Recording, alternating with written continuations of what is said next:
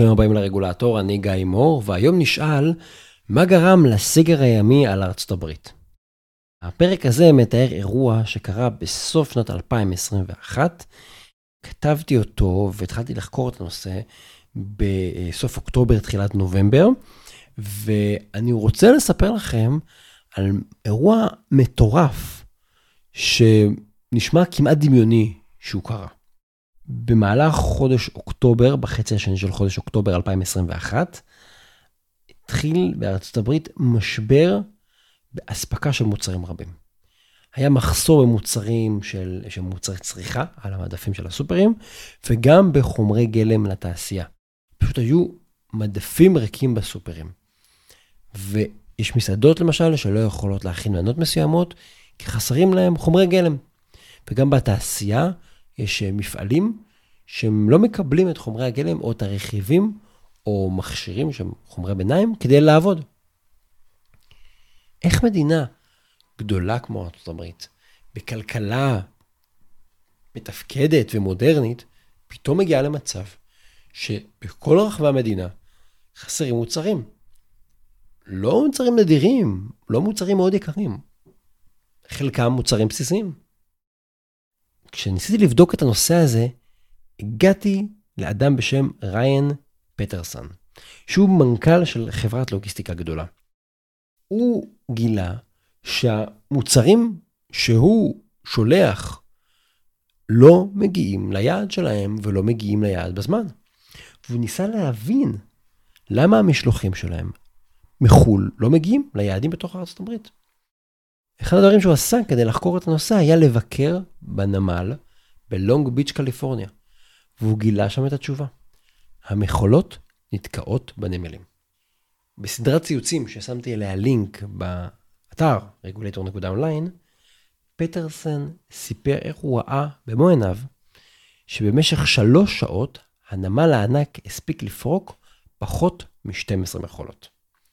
זה פחות מ-4 מכולות בשעה, זה קצב צו. עכשיו אולי תגידו, הנמלים לא יעילים.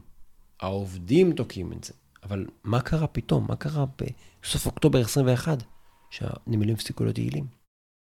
אז מסתבר שהבעיה היא שחלק מהנמלים הגדולים באמת הפחיתו את קצב העבודה שלהם בקיצוניות. ואולי צריך רגע להגיד את זה, נמל הוא צוואר בקבוק, הוא נקודה קריטית במסחר, ולכן כל נמל שהוא טיפה נתקע, מאט, משהו שמשתנה, הוא יכול להפוך לצוואר בקבוק אזורי ואולי אפילו לאומי. אוקיי, אז הנמלים יותר איטיים, בסדר, הבנו, אבל, אבל למה? מה הסיבה האמיתית למשבר? אז הסיבה האמיתית למשבר הזה, למחסור המטורף במוצרים בארצות הברית, אם תשאלו אותי, היא לא פחות מאבסורדית. המסחר הבינלאומי של כל ארצות הברית נתקע בגלל רגולציה אחת קטנה. קטנטנה. רגולציה של השלטון המקומי. אם יצא לכם להיות באזור הנמל בחיפה או באשדוד, בטח יצא לכם לראות שסביבו יש מין אה, מצבורים כאלה של מכולות שמונחות אחת על גבי השנייה. אמ, אם תיכנסו לפוסט באתר, regulator.online, יש שם תמונה של הפוסט, ככה זה בגדול נראה.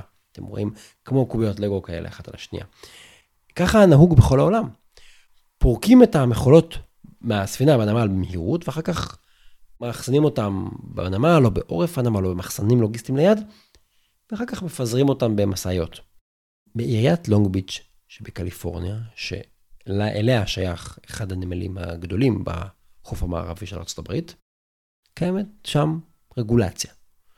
שהרגולציה הזאת קובעת שמותר לערום רק שתי מכולות אחת על השנייה. זאת אומרת, אה, בית דו-קומתי של מכולות. אסור יותר. ומאחר שבנמל המקום מאוד מאוד מוגבל, ברגע שהם מניחים שתי מכולות אחת על השנייה, זהו. אי אפשר לפרוק את יתר האונייה. צריך לחכות עד שתגיע משאית או מין אה, מלגזה ענקית כזאת, היא תפנה את שתי המכולות האלה הצידה, ואז אפשר יהיה לפרוק עוד מכולה ואת השנייה, ואז עוד פעם לחכות. בקיצור, באמצעות הרגולציה הזאת, שהגבילה את גובה המכולות לשתיים אחת על השנייה, הם יצרו פקקי ענק באמצע הנמל. וכמובן שאותה בעיה בדיוק השתרשרה לאורך כל הקו הלוגיסטי באותו אזור. גם בעורף הנמל וגם במרכזים לוגיסטיים אסור לאחסן יותר משתי מכולות זו על גבי זו. וככה גם מקום האחסון מחוץ לנמל נגמר מאוד מאוד מהר, אוקיי? אבל אנחנו צריכים רגולציה, רגולציה זה דבר חשוב. אולי אנחנו מפחדים שמכולות יקרסו על אנשים, או אחת על השנייה. אז לא, זו לא רגולציה מסיבות של בטיחות. הרגולציה הזאת, יש סיבה. אולי תגידו חשובה. זאת רגולציה מטעמים אסתטיים. המטרה היא בעצם שהנוף לא יתמלא במכולות.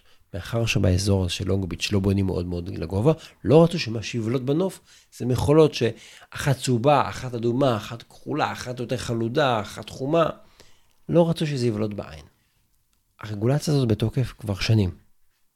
היא לא חדשה, אבל רק בסוף 2021 התחילו לאכוף אותה. ואז הרגישו את התוצאות מאוד מהר. האכיפה של הרגולציה הזאת יצרה פקק בנמלים וגרמה לנזקים בקנה מידה לאומי. איך זה יכול להיות? תראו, בערך 40% מהמכולות שנכנסות לארצות הברית, נכנסות דרך שני נמלים בדרום קליפורניה. הנמל בלוס אנג'לס והנמל בלונג ביץ'. ושני הנמלים האלה הפכו מאוד מאוד פקוקים בגלל אותה רגולציה. עכשיו, כל המחסור הלאומי באספקה של האנשים, אין מוצרים על המדף, ומפעלים לא יכולים לעבוד, ועסקים לא יכולים לפעול, הכל נובע משני נמלים שיושבים בתוך רשות מקומית, שברשויות המקומיות האלה אמרו, אתם יודעים משהו? מכולות זה לא אסתטי, אל תשימו יותר משתיים אחת על השנייה. זה סתם את הסחר הבינלאומי של ארצות הברית, ופגע משמעותית בכלכלה שלהם. מטורף? בואו ננסה להבין את הפסיכולוגיה של מי שקבע את הרגולציה הזאת. הרגולציה הזאת היא חלק מבעיה הרבה יותר רחבה, שקיימת בכלל, אבל קיימת במיוחד במדינת קליפורניה. זאת בעצם רגולציית נימבי. נימבי, למי שלא זוכר, זה ראשי תיבות של Not in my backyard. דיברנו על זה בפרק 52, אז אתם מוזמנים ללכת להאזין. הרגולציה הזאת היא לא מאפשרת לבצע פעולות מאוד מאוד פשוטות, כמו שראינו. לא רק בתחום המכולות. בעצם נימבי אומר שאם יש משהו לא נעים בעולם, אני אומר, אין לי בעיה שהוא יהיה, אבל, אבל לא לידי. זאת אומרת, רוצים להקים שדה תעופה, אין בעיה, רק לא ליד הבית שלי. אתם רוצים יכולות, אין בעיה, רק לא אצלי. בית חולים, רק לא ליד הבית שלי. אמ, כביש מהיר, אין בעיה, אבל שיעבור ליד אה, בשכונות אחרות, לא בשכונה שבה אני גר. הכלל עם המכולות, שלא שמים יותר משתיים אחת על השנייה, הוא דוגמה קלאסית לתופעת הנימבי. לעיריית לונג ביץ' אכפת מהתושבים המקומיים. אגב, בלונג ביץ' חיים פחות מחצי מיליון איש, כן? יותר קטנה מתל אביב. ותחשבו על כל ארצות הברית, כן? זה כלום. ועיריית לונג ביץ' מקבלת החלטות שישפרו את האסתטיקה המקומית של העיר עבור תושבי העיר, איזה יופי. במעשה שלהם, העירייה בעצם אומרת, בין השורות, אנחנו לא מוכנים לסבול את הכיעור של מכולות לגובה. גם במחיר של נזקים קשים לכלכלה, וגם במחיר של פגיעה במאות מיליוני אמריקאים שחיים במקום אחר. והעניין הוא שזה לא מקרה ייחודי. המכולות האלה הן רק דוגמה אחת. יש הרבה רגולציות כאלה באופן כללי, בקליפורניה יש המון רגולציות כאלה. למשל, יש רגולציה שמגבילה את גובה בניינים לעד 45 רגל. זה בערך גובה של 13 אה, מטר, כארבע קומות. אפשר גם לומר שיש לזה ערך אסתטי, זה שומר על הצביון של הערים, אבל בפועל זו רגולציה שמשרתת בעיקר את האינטרס הכלכלי של בעלי קרקעות ובעלי הבניינים הקיימים, כי לא בונים בניינים אחרים שיתחרו בהם ויורידו את מחירי השכירות. עוד דוגמה, אתן לכם, יש בקליפורניה רגולציה סביבתית שידועה בשם CEQA, California Environmental Quality Act. זו בעצם רגולציה שנועדה לשמור על שטחים פתוחים ולהגן על המים והאוויר. אנחנו כולנו אוהבים שטחים פתוחים, מים, אוויר, אף אחד לא נגד, נכון? בפועל הרגולציה הזאת הפכה לכלי שחוסם הקמה של דירות חדשות, אפילו משתמשים בה כדי לסלק הומלסים מהמדרכות.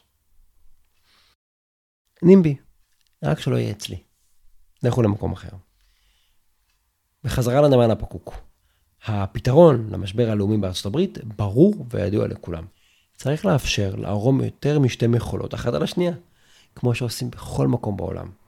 בכל הנמלים בארצות הברית ובכל הנמלים במדינות אחרות. ובאמת, בסוף אוקטובר 2021, אחרי שבועות שהמשבר הזה הולך ומחמיר, עיריית לונג ביץ' הודיעה שהיא משהה את האכיפה של הכלל הזה ל-90 יום. כנראה שזה היה בגלל לחץ פוליטי שהגיע באמת מכל כיוון אפשרי. הממשל של המדינה, של מושל קליפורניה, מהממשל הפדרלי, מהציבור, מהתקשורת, מבעלי העסקים. אף אחד לא צריך להבין איך הדבר הזה ממשיך להתקיים. המשבר הזה נפתר באמצעות זה שהשעו את האכיפה, אבל שימו לב שההחלטה המיידית של עיריית לונג ביץ' לא הייתה לבטל את הרגולציה, אלא רק לאשר את האכיפה לשלושה חודשים. כדי באמת לתת פתרון קבוע, וגם כדי לוודא שמישהו לא ישנה את דעתו בעוד חודש, הם חייבים לבטל את הרגולציה הזאת. ובאמת, השעיית הרגולציה הזו, שהתארכה מאז, אפשרה להשיב למדפים את המוצרים שהיו חסרים, ואפשרה למפעלים ולעסקים לחזור לעבוד. אז אפשר להגיד שבמידה מסוימת הסיפור הזה הסתיים, אבל בכל זאת, מה המסר מהסיפור הזה? מה אפשר לקחת ממנו? דבר ראשון, אנחנו מגלים שגם לרגולציה קטנה ולכאורה חסרת משמעות, יכולות להיות השפעות דרמטיות. בהקשר הזה, אנחנו רואים שגם רגולציה אסתטית, שברמה המקומית מסוגלת לחנוק את הסחר הבינלאומי של ארה"ב, אם הרגולציה הזאת מספיק גרועה, והיא נקבעת במקום שהוא בדיוק, בדיוק שער הכניסה לארה"ב. דבר השני, אנחנו צריכים להקדיש תשומת לב גם לרגולציות שנקבעות בתחומים משעממים, ולעסוק גם במה שנתפס לפעמים אפור. השטן נמצא בפרטים הקטנים. נכון, זאת לא רפורמה דרמטית שנקבעת בקונגרס בוושינגטון די.סי, אין פה קרב בין מפלגתי, אין פה מאבק של הרוב נגד המיעוט, נגד הנשיא. לא, סורי, זה משעמם, זה טכני. הרגולטור המקצועי והרשות המקומית עשו את זה, ווואלה, יש להם השפעה דרמטית לא פחות. והדבר השלישי, נקרא לו סינדרום קליפורניה.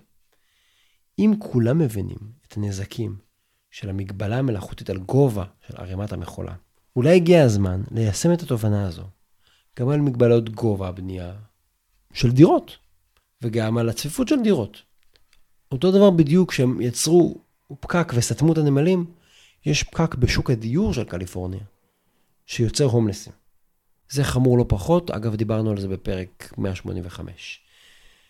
אז סינדרום קליפורניה לא קיים רק בקליפורניה, ואם אנחנו מבינים שמשהו לא נכון, אז מחויבותנו לטפל בו. אז הנה לכם, הנזקים העצומים שהיו מספר חודשים בארצות הברית בשנת 2021, הם תוצאה של מיקרו-רגולציה אסתטית בשני מקומות.